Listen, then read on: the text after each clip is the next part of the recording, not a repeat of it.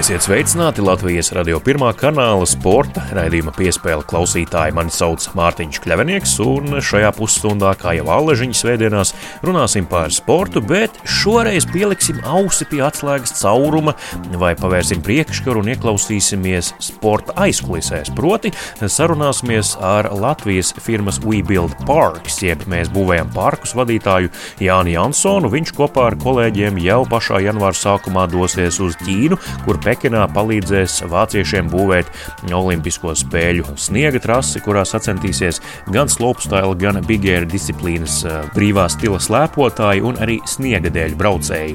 Jānis un viņa komanda Olimpisko trasi būvēja arī 2018. gada Pjončānas ziemas Olimpiskajās spēlēs, un šī pieredze viņiem lieta noderējusi, kā arī nākus par labu, lai tiktu izvēlēti darbam arī Pekinas ziemas olimpiādē.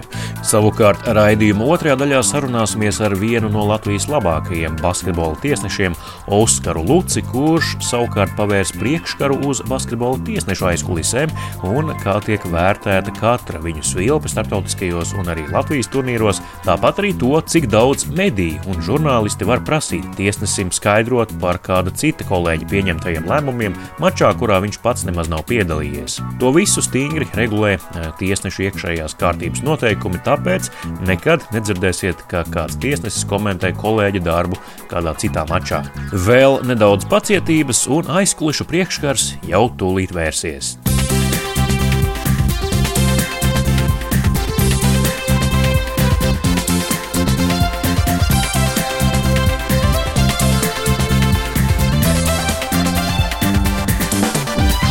Latvijas radio pirmā kanāla sporta raidījums piespēle. Un šajā raidījumā parunāsim par gaidāmajām Pekinas ziemas olimpiskajām spēlēm. Nu, to starts vairs nav aiz kalniem, atklāšanas ceremonija jau 4.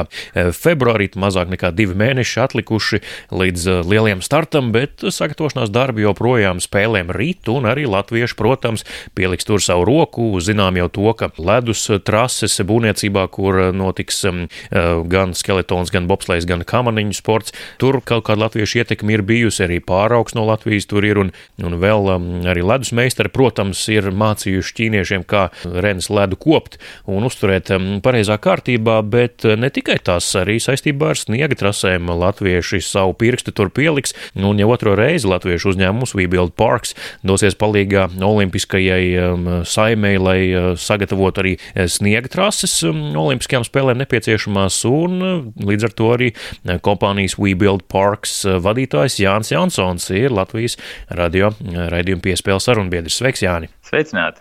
Janvārī dodaties ceļā pašā janvāra sākumā, uzreiz pēc jaunā gada.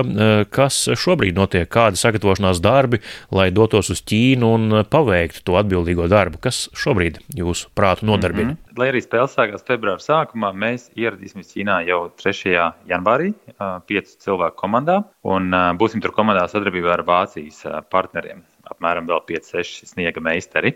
Pašlaik notiek vairāk tāda tā kā dizaina finalizēšana, pakošanās, viss nepieciešamā iepirkšana, jo tur ir ļoti neparedzama laika apstākļi. Paredzams ir tas, kas, ka būs ļoti augsts, ļoti vējains, tātad pilns apģērbs, tāds jau bišķiņu uz alpīrismu pusi velk.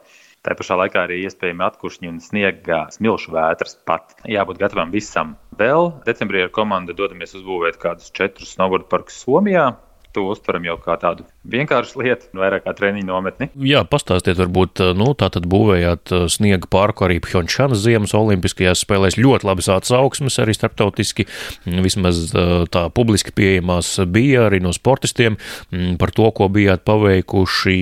Kaut kas līdzīgs, kaut kas krāsa atšķirīgs būs Pekinā, ar ko tad skatītājs pie televīzijas ekrāniem var rēķināties, ko jūs tur būsiet mm. uzbūvējuši. Pekinā arī snowboard parku varētu saukt tādu lielu mākslas mākslas darbu. Mēs dizainējot ļoti centāmies viņu sasaistīt arī ar Ķīnas kultūru, un tādējādi tiks iekļauts motīvs lielais Ķīnas mūris, kurš pat vairāku simtu metru garumā izbūvēts no sniega caur visu šo slopstēlu trasi. Pati trasa sastāvēs no sešām lielām platformām, uz kuras tad sportistiem ir jāveic tie triki. Kopā aptuveni 6-7 Eh, lidojumi, ieskaitot divkāršos, trīskāršos salto uz katras sekcijas, bet trasa noteikti būs ļoti, ļoti iespaidīga. Ja godīgi bijām eh, uzdizainējuši viņu pat krietni trakāku, Bet tā kā visas citas sporta arēnas ir ļoti klasiskas, definētas vai visiem zināmas, dūlāk mums neļāva iet, lai vienkārši nebūtu nu, pārāk traki. Tā kā šis ir freestyle sporta veids, tad šī ir principā viena no retajām disciplīnām, kur dizains ir mainīgs un to pieļauj nolikumi. Jā, to arī gribēju teikt, ka nu, vismaz domājot par skeletonu bobsleja kamariņām, tieši ledus trasi, ledus reni, mm, tur tieši tā arī ar tādu principu tā ir tikusi veidota, nu, lai nav tāda, kā Vankūverā, piemēram, bija super ātrumi un super centrbēdzi un, un tur tikai meistarīgākie to var uzbraukt līdz beigām, lai katrs var nobraukt līdz beigām, bet ir kaut kāds knifiņš, tā lai to labāko rezultātu var sasniegt tikai meistarīgākie. Tas nozīmē, ka mm, šajā sniega trasē tomēr gluži tādi principi ne, nebija tāds uzstādījums no rīkotājiem. Ja? Negluži ne. Šeit ir, ir, ir ļoti maz elementi. Tur, piemēram, jābūt 600 metru garumam, noteiktam mm. vertikālajam kritumam. Pārējais ir, ir diezgan atrás dizaina ar rokās. Bet, lai tie pasaules labākie spētu sevi atšķirt ja, no varbūt netik pieredzējušiem braucējiem. Katra platforma sastāv no kādām piecām, sešām iespējām. Tātad braucēji pirms tam treniņos ļoti domā, liek to savu braucienu kopā, Un katrā platformā ir iespēja izvēlēties vieglākus elementus, ko izmanto nereti meitenes vai nu, jaunāki braucēji, tie pasaules superstāri.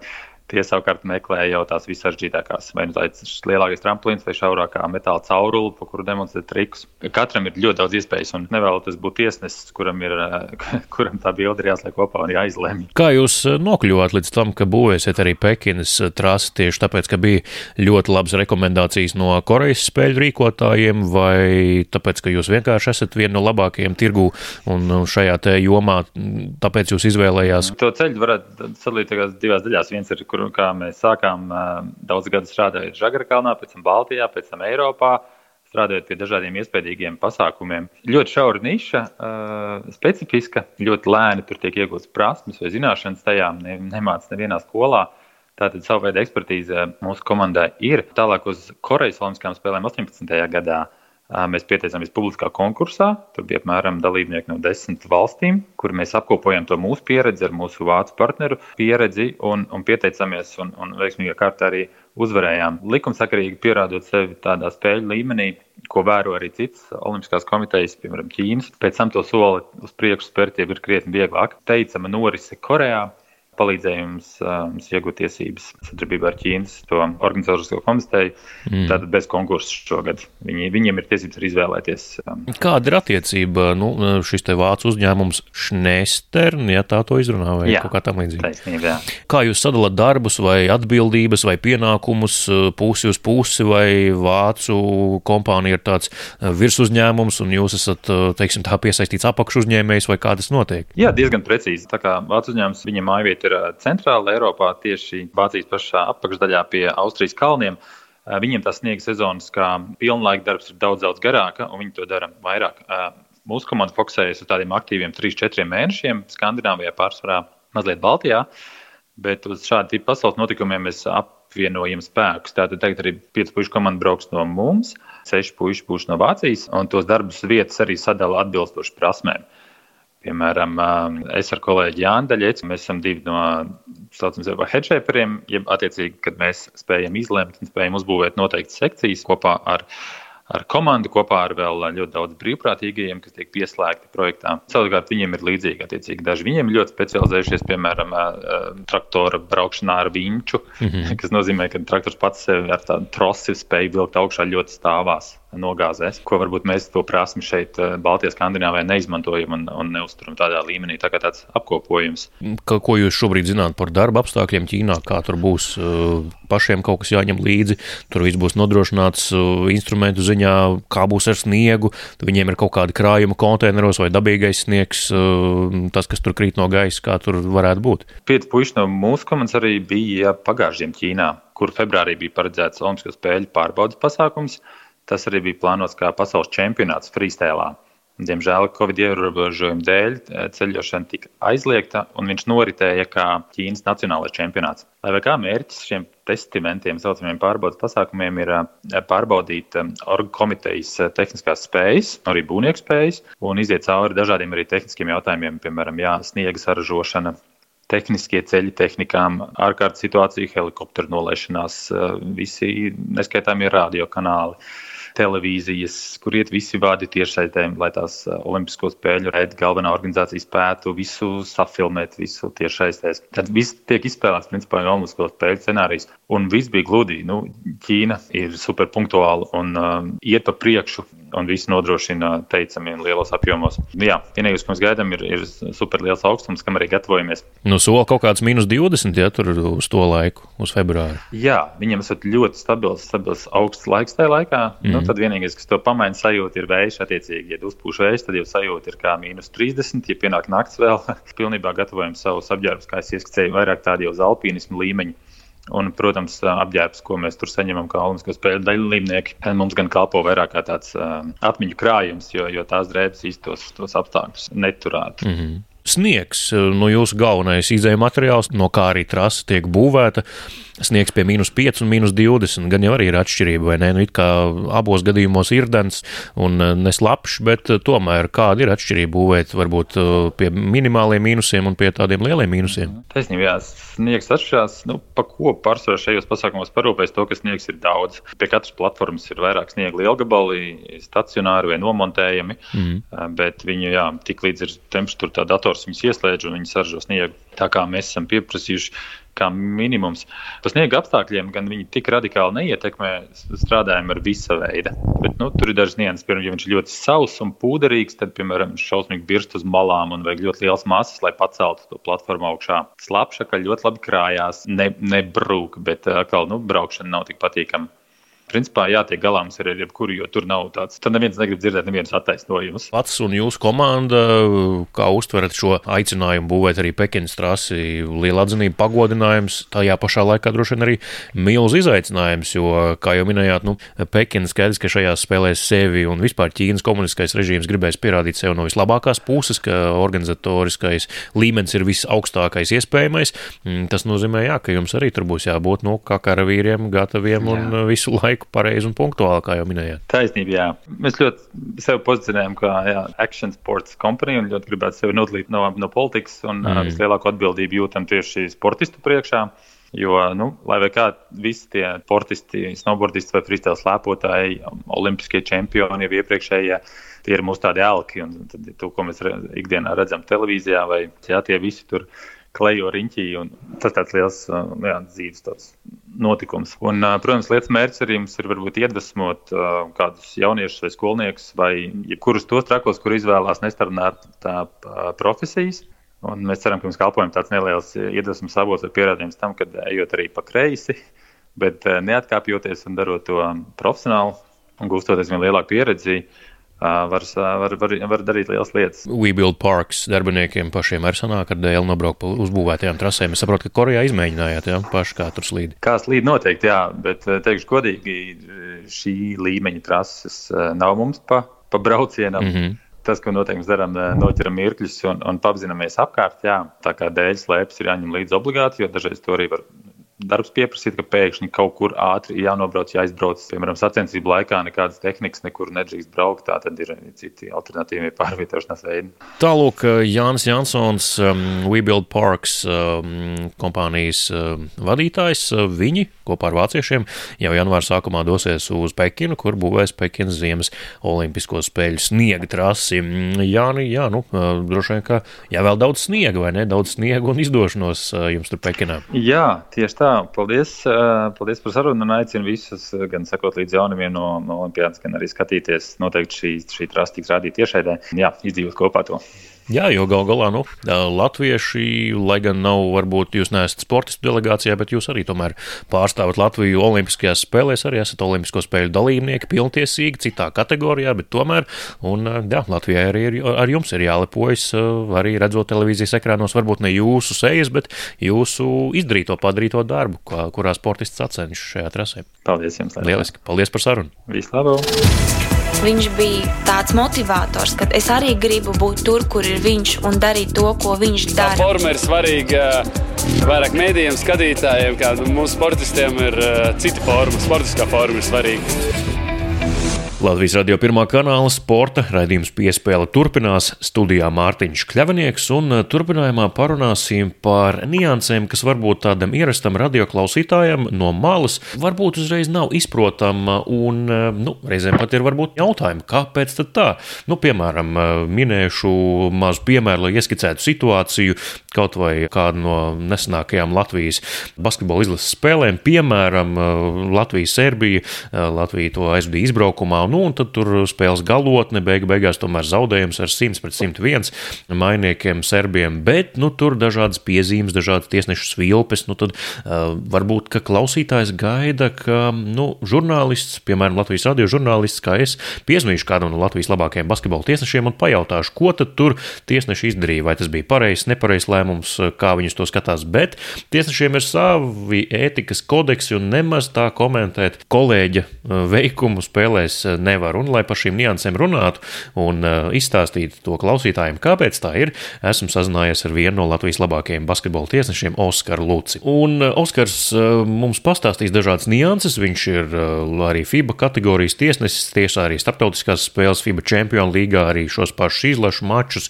kvalifikācijas turnīrā. Sāksim, Oskar, varbūt ar tādu nu, standarta jautājumu. Cik bieži pie jums vispār vēršas kādi mediju pārstāvu žurnālisti ar jautājumu? Nu, Komentējiet, lūdzu, ko tad tie kolēģi jūs izdarīja tajā vai tajā spēlē? Bieži tā gadās? Nē, bieži negadās, jo pārsvarā jau viss ir diezgan skaidrs, tas laukumā redzams. Ir. Un mēs jau cenšamies arī pēc tam dažādos veidos pēc tam to pasniegt, vai arī kaut kur, kad parādās kāda informācija un parādīt, kas ir izdarīts bijis pareizi, un varbūt arī parādīt uz savām kļūdām, kas nav bijis izdarīts pareizi. Un, protams, ka mēs gribam, lai sabiedrība būtu pēc vairāk izglītot un vairāk saprast arī tos basketbola tiesāšanas nianses. Tiesneši skaidrs, ka ir tāda sava cūnsta basketbolā, un jūs esat sava komanda, basketbolisti ir savukārt cita komanda. Vai uh, visi iekšēji tiesneši tajā cūnstē izprot, ka, nu, man ir jāvadās pēc kodeksa, es to nedrīkstu darīt, vai ir kaut kādu šo gadu gaitā? Gaitā varbūt jūsu pieredzē bijuši kādi gadījumi, kad eh, nu, kāds no tiesnešiem pārkāpa šo rakstīto vai nerakstīto likumu, varbūt izsakās publiski? Kaut kad noteikti senāk ir bijis, bet arvien vairāk un vairāk tas paliek, teiksim, mums ir eh, katrā līgā ir savs vadītājs. Čempionu līgā un FIBA šajās izlašu nu, diezgan līdzīgi mūs vēroja arī FIBA Eiropas eh, tādi tā kā novērotāji instruktori. Tāpat tās kā Čempionu līgā, pilnīgi vienāda sistēma uz katru spēli mums eh, jāsagatavojas, mums jāizskauto komandas, kā jau iepriekš, arī mums nav tā, ka mums uh, tiesneša komanda ir viena un tie pati, teiksim, līdz, nu, kā rokas bumbā, varbūt var futbolā vairāk mm. braukā paši tiesneši. Mēs uz katru spēli pilnībā mainamies. Nu, teiksim, aizvakar uh, Beļģijā Ostendē es tiesāju kopā ar uh, Latvijas tiesnesi Gatu Saliņu un vienu tiesnesi no Bosnijas. Nākamā nedēļa es būšu kopā Turcijā ar Bosnijas tiesnesi un Itāļu tiesnesi, un mēs visu laiku mainamies. Un pēc spēlēm mums uz izlašu spēlēm, ja Čempionu līgā mums ir viens, teiksim, instruktors, kas novēro un atsūta atskaiti, un ar viņu vēl pēc tam, eh, kā šobrīd es skatos savu spēli, ko aizvakar tiesāju, un uh, rakstu atskaitu, ko es esmu izdarījis labi, ko es varbūt netik labi izdarījis. Izlašu spēlēs mums bija divi instruktori, un, kas skatījās. Man, teiksim, pirmo spēli, ko es tiesāju Zviedriju, Somiju, bija pat no Austrālijas, bija, kas caur video skatījās spēli un uzrakstīja atskaiti, kā es esmu notiesājis. Bet, lai publiski kaut ko teiktu, nē, noteikti, ka nē, tas nav vienkārši ētiski. Gan Latvijas basketbola līgas noteikumos savienības mums ir ētikas kodeks, gan FIBA, un uz šiem FIBas izlašu spēlēm bija atsūtīta speciāla grāmata tāda rokas grāmata tiesnešiem, viss, kas mēs, mēs darām un ko mēs drīkstam un ko mēs nedrīkstam. Un skaidrs, ka tur ir iekšā, ka mēs nedrīkstam neko komentēt, kāda cita kolēģa lēmums un tādas lietas, jo,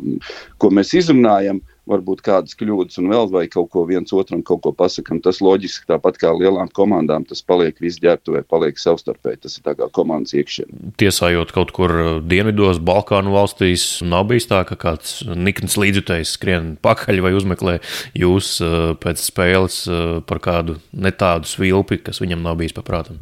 Es varētu pateikt šo pašu piemēru no šīs pēdējās izlases spēles, kuras tagad bija Grieķija, Baltkrievija, kur bija diezgan liels saspringums pirms spēles, jo Grieķijas izlase bija pirmo spēli zaudējusi Anglijā. Mm -hmm. Un eh, Baltkrievija bija ar ļoti augstu eh, metienu procentu uzvarējusi Turciju un pārliecinoši ar labiem spēlētājiem. Centra pozīcijā agrāk vēl kas VF komandā spēlēja tāds Parahausks.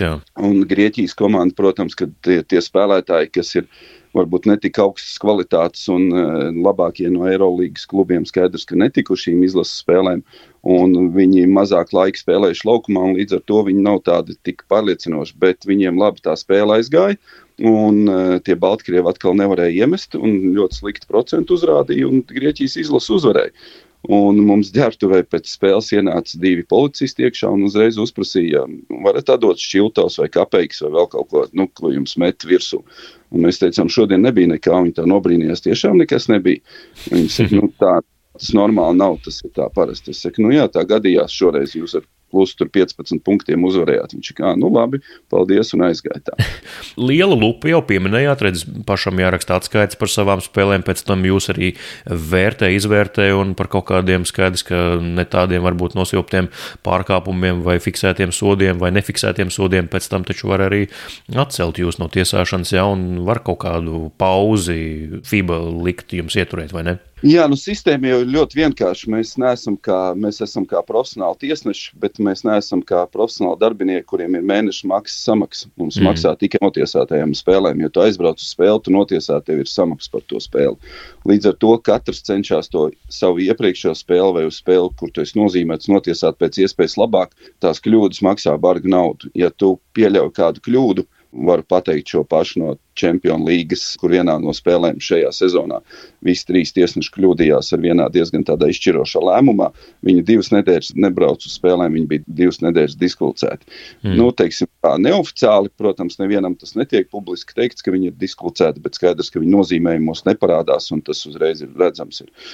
Un tas maksā, nu, tev tu nesaņem naudu, tu dzīvo bez tās naudas. Pēc spēles ne tikai man pašam jānoskatās ir spēle un jāuzraksta atskaiti gan par labām silpēm, varbūt kaut kas varbūt nesanāca, kaut kas varbūt ne tik labām silpēm, un tas nav tikai par silpēm, tas ir viss apkārt. Gan mm. kā es kustinu, kur es esmu atradies, gan kā ir ar dažiem žestiem un tā tālāk. Gan mums ir eh, uz Champions League ir viens eh, novērotājs, ar kuru mēs sazināmies uzreiz pēc spēles, kā mēs ejam ģērbtuvē. 5, 6 video klipi, kurus mēs uzreiz izanalizējam un mm. apmēram 10 minūtes pēc spēles pārunājam spēli. Un tad nākamajā dienā vai aiznākamajā dienā Tāpat kā šodien man vēl būs, man būs instruktors bija no Spānijas, kas bija man ar viņu jāsazinās un apmēram pusstunda uh, zūmā video saziņa ir un pārunāsim spēli. Viņi iziet katrai principā svilpēs cauri, ko tu esi svilps. Un, ja tev kaut kas nav sanācis pat ar autiem vai vēl kaut kas ir, nu, tur ir diezgan tā skurpulozi. Jāraksta tikai par sevi vai par abiem kolēģiem arī kaut kas atskaitā jāraksta tikai sevi? Pārsvarā mēs rakstam par sevi, bet mēs arī minam, kādi komandas darbs, kāds ir bijis komandas iekšēnē un kā mēs esam komandu nu, savu pilnveidojuši, kā mēs esam to izdarījuši arī tāds. Vai ir arī kaut kāds iekšējs reitings, ko jūs paši redzat, nezinu, kaut kāds koeficients vai, vai cits, kā jūs esat sarindoti, vai, vai nekas tāds netiek veidots? Nē, tāds netiek veidots, bet noteikti, kad ir kaut kāds sadalījums šiem mūsu vadītājiem, Jo, teiksim, tad, kad ir um, pieņemsim, kā Champions līgā, paiet regulārā sezona, tad uz tām izšķirošām playoff spēlēm vai uz tādiem tiek samazināts tiesnešu skaits, nu, uz kur tiek nozīmēti. Iepriekš, kad bijām vairāk pirms šīs sezonas, kad mēs bijām 70 Champions līgā, tad bija tā kā trijās grupās. Bet šo sezonu, tā kā tas spēļu skaits mazs, mūs samazināja par 18 tiesnešiem, mēs palikām 51 Champions līgā. Mm -hmm. Un no Latvijas mēs palikām visi četri, gan es, gan Andris Ankrogies, gan Mārtiņš Kazlovskis, gan Gatis Saliņš. Mm. Un tas ir liels panākums Latvijas teiksim, tiesnešiem arī, jo pieskaitot vēl klāt Oļegu Latišā un Kristapu Konstantīnu, kas ir Eirolīgā, un, ja, nu, un tad nu, mēs esam pietiekoši skaitā no Latvijas pārstāvēt šajos svarīgākajos turnīros. Jā, pats jau pieminējāt arī šo te, nu, FIBA kategoriju un vienus, kuri tiesā FIBA turnīros, un, un piemēram, tas pats Jāuļieks Latišaus, kurš eh, tiesā tikai Eirolīgu, jo, nu, ja viņš tiesātu kādu FIBA turnīru, tad, protams, ka Eirolīgu vairs netiesātu, un savukārt ULEB tiesneši, diemžēl, netiek pie izlašu mačiem. Kā jūs, kā tiesnesis, kurš esat eh, šajā FIBA pusē un, un tiesājat šos turnīrus, nu, raugaties uz šo situāciju? Skats, ka droši vien te jau arī ir ir jums jābūt ļoti uzmanīgam šobrīd ar vārdiem, bet tomēr šis konflikts, nu, daudzi saka, nu, ka tas ir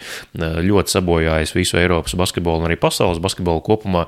Kā jūs skatāties uz šo situāciju? Par tiesāšanas viedokli man vispār nav nekāda problēma, jo gan Latvijā mēs tiesājam kopā, gan VTB sacensībās, kuras arī diezgan bieži sanāk apkalpot Mēs esam bieži ar Eirolandes tiesnešiem kopā tiesājam, un arī šajā, teiksim, Eiropas Ziemeļu basketbola līgā.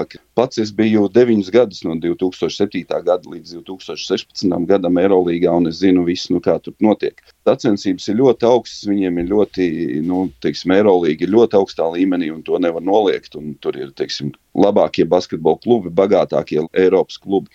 Tādai čempionu līgai vēl ir jāaug līdz tam. Tas konflikts jau, nu, mēs tiesneši, teiksim, tā neko tur nevaram ne ietekmēt, ne neko kā augšas, kā nolems, tā arī būs. Šajā brīdī iepriekš bija līdz 2015. gadam viss bija kopā un nebija nekādas problēmas starp tiesnešiem. No 2016. gada, teiksim, arī vēl bija tā kā kopā, bet tad pēc tam lēnām sāk mainīties un kad netiek nozīmēti. Kaut viņi ir tāpat kā Oļegs Latviševs, Kristaps Konstantīnovs, FIBS tiesneši, viņi netiek šobrīd nozīmēti uz FIBS turnīriem. Mm. Varbūt kādā brīdī visu laiku jau klīst kaut kādas runas, kad atkal būs kopā un tam līdzīgi. Par tām izlašu spēlēm man grūti pateikt, kas ir labāk. Kā tur sanāca, iepriekš bija sešas spēles vasarā, viena mēneša laikā.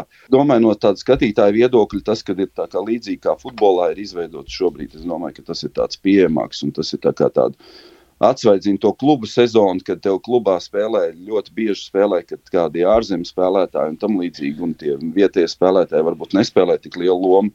Tad tagad redzēt labākos spēlētājus, kas atbrauc sezonas laikā uz Latviju un spēlē Latvijas arēnā, tu vari ieraudzīt viņus. Nu, tas ir tāds, eh, es domāju, pozitīvs solis. Kā jums pašam tā monēta krita tomēr uz to FIBAS pusi, nevis uz Eirolīgu? Tā bija jūsu izšķiršanās, tie bija apstākļi. Tie bija nu, apstākļi. Nomainījās vadītājs, eh, kas nozīmē, kas atbild par tiesnešiem. Pilnīgi līdzīga situācija, kā bija šo sezonu pirms Champions League sezonas, un arī tad eh, Eirolandā saruka ULEB eh, komandu skaits saruka, un nebija nepieciešams tik daudz tiesnešu. Mēs bijām 20 tiesneši vai 24 tajā brīdī, kuri tika teiksim, atskaitīti no tās Eirolandas. Tā sanāca, un nu, tā tagad ir bet viss ir kārtībā. Oļegs Latvišovs teicās Vefrīga komandas uh, raidierakstā, ja podkāstā, ka nu, grūti ir tas, ka tu nu, skaidrs ļoti labi prestiži, ka tu tiesā Eirolīgu, bet uh, tas pārāvums pēc Eirolīgas sezonas līdz nākamās sezonas sākumam, ka nav tie, to, to vasaras turnīru, to mazo Eiropas U čempionātu, kuros varētu patiesāt un uzturēt tonus vai ieiet formā, ka tas ir tāds liels mīnus, ka tie 5, cik 6, 5 mēneši sanāk pārtraukums, nu, ka tev ir jābūt tikai treniņu režīmā. Oskaram Lucim, jūsu gadījumā laikam nav šāda problēma. Jūs varat būt kā FIBA tiesnesis tonusā visu laiku, vai ne? Uh, jā, nu mums sanāca, kad vasarā bija, šovasar bija iepriekšējā vasarā, protams, ka visiem izkrita, teiksim, dēļ šī pasaules, šīs pandēmijas. Mm. Šovasar jau, kad tika izveidota atsākt šie jauniešu izlašu turnīri, Tad man sanāca, ka man divi pēc kārtas bija Grieķijā, Krētas salā, labi, smuka vieta un viss, bet mēs bijām šie FIBS noteikumi un Covid protokoli, kad mums jādzīvo, teiksim, tā kā burbulī iekšā un mēs mm. nedrīkstam iet ārā un ļoti strikt uz to skatījās. Bija kas pārkāpjums, saņēma pēc tam ļoti, ļoti bargus sodus. Saņēma, tas neviens pēc tam vairāk neriskēja to darīt. Un pēc tam es biju arī uz to pašu, kur Latvija piedalījās augusta beigās. Latvijā šeit notika šī pirms uh, pasaules čempionāta kvalifikācijas pirmās spēles. Es biju tādā pašā turnīrā Maķedonijā desmit dienas. Un tad man sanāca viens mēnesis, augusts, principā es vispār nebiju Latvijā, bet biju tikai ārzemēs un tiesāju. Mm. Bet jā, šie vasaras turnīri ir ļoti labi tādi, ka tu vari atgriezt sevi tā kā tādā sporta nometnē, kas ir, nu, teiksim, izlasēm vai bērniem, kad trenējās arī mums, kā mēs viņu izmantojam kā sporta nometni, jo mums viss katrs rīts sākās rīta iesildīšanos, vingrošanu un skriešanu, jo mums uz katru turnīru ir savs, principā, fitnes treneris vai arī instruktors kāds klāt.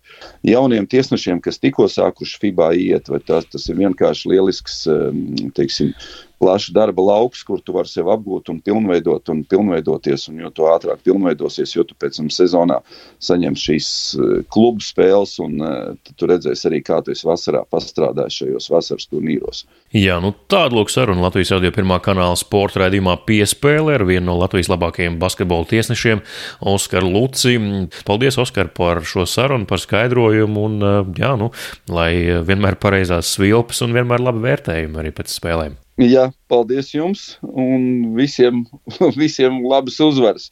Teiksim, un lai nākamreiz nebūtu nevis 100 pret 101, bet lai nākamreiz būtu 101 pret 100, nu tā, lai varētu teikt. Nu, no Latvijas puses skatoties. Un mums, protams, lai būtu tas kvalitatīvāks, pēc iespējas vilps, vienmēr gribam visu sev novēlēt.